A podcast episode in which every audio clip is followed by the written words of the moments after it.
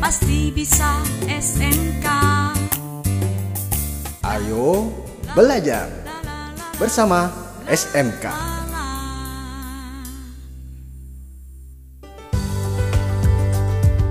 Hello, audiences. Welcome back to the program. In this segment 2, we continue talking about Soto presentation deeper. Let's listen to the dialogue first. Chef Oki, what do we need to cook soto? What the ingredients? And what are the cooking wares? There are two kinds of ingredients. How should I say about that, Mr. Hans? It's simple. You just say to prepare soto ayam, we need two types of ingredients. Ingredients for spices and complementary ingredients. Can we also inform that quantity or scale right away? Yes, you can. What do you call jahe in English? If I'm not mistaken, it's ginger. Yes, that's right. What do you call Laos in English? I know, it's galangal. Very good, chef. Well, I want you know that we need conjunction to connect the word, such as and, then, next. When you describe the ingredients, you may say like this 1 kilogram of chicken and water for stock. Then, 2 lemongrass. I see. That will help. Please pay attention to this one. I want to explain it more detail. Listen to these words. Boiled and chopped. These words come from verb boil and chop. Then you hear the sound ed at the back of each word, right? That is because someone does something onto the material. So, the material receives an action from human. For example, boiled egg is egg which is boiled. Chopped cabbage is cabbage which is chopped. Fried onion is an onion which is fried. Other types, the word serving is from a verb serve.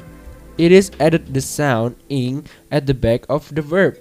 Unlike the ed sound, this ing sound has an active meaning.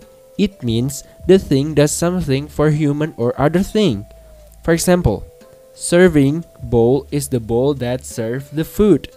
I give you another example. Serving guest, the guest who serve themselves or the host even.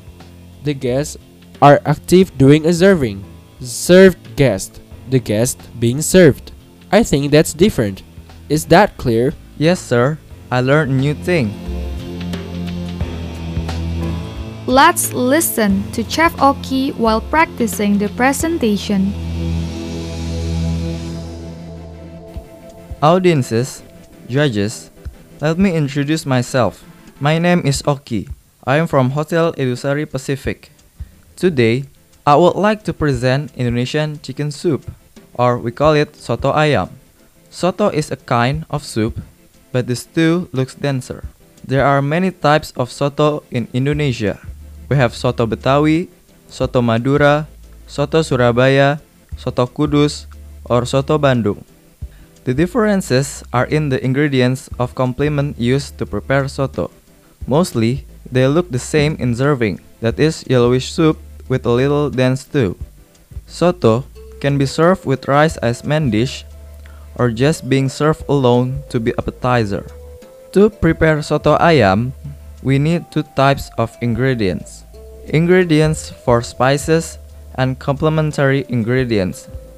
The main ingredients for spices are 1 kilogram of chicken and 1 liter mineral water for stock, 2 lemongrass, 2 finger joint length of galangal, 1 and half finger joint length of ginger, and 1 finger joint length of turmeric, 4 pieces of red onion, 1 pinch of coriander, then 1 pinch of pepper, 3 pieces of candle nut, 4 lime leaves, the last one 3 spoons of cooking oil. Complements ingredients are boiled egg, bean sprout, chopped leek, fried onion, fried red onion, chili sauce, ketchup, rice, lime fruit. The cooking ware are stove, blender, pan, frying pan, serving bowl. The utensils are knife, fork, spoon.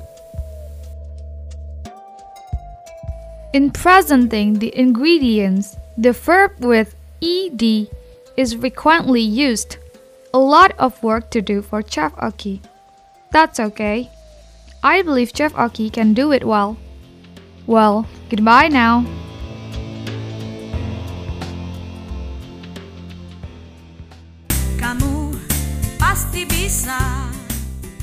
Sampai jumpa.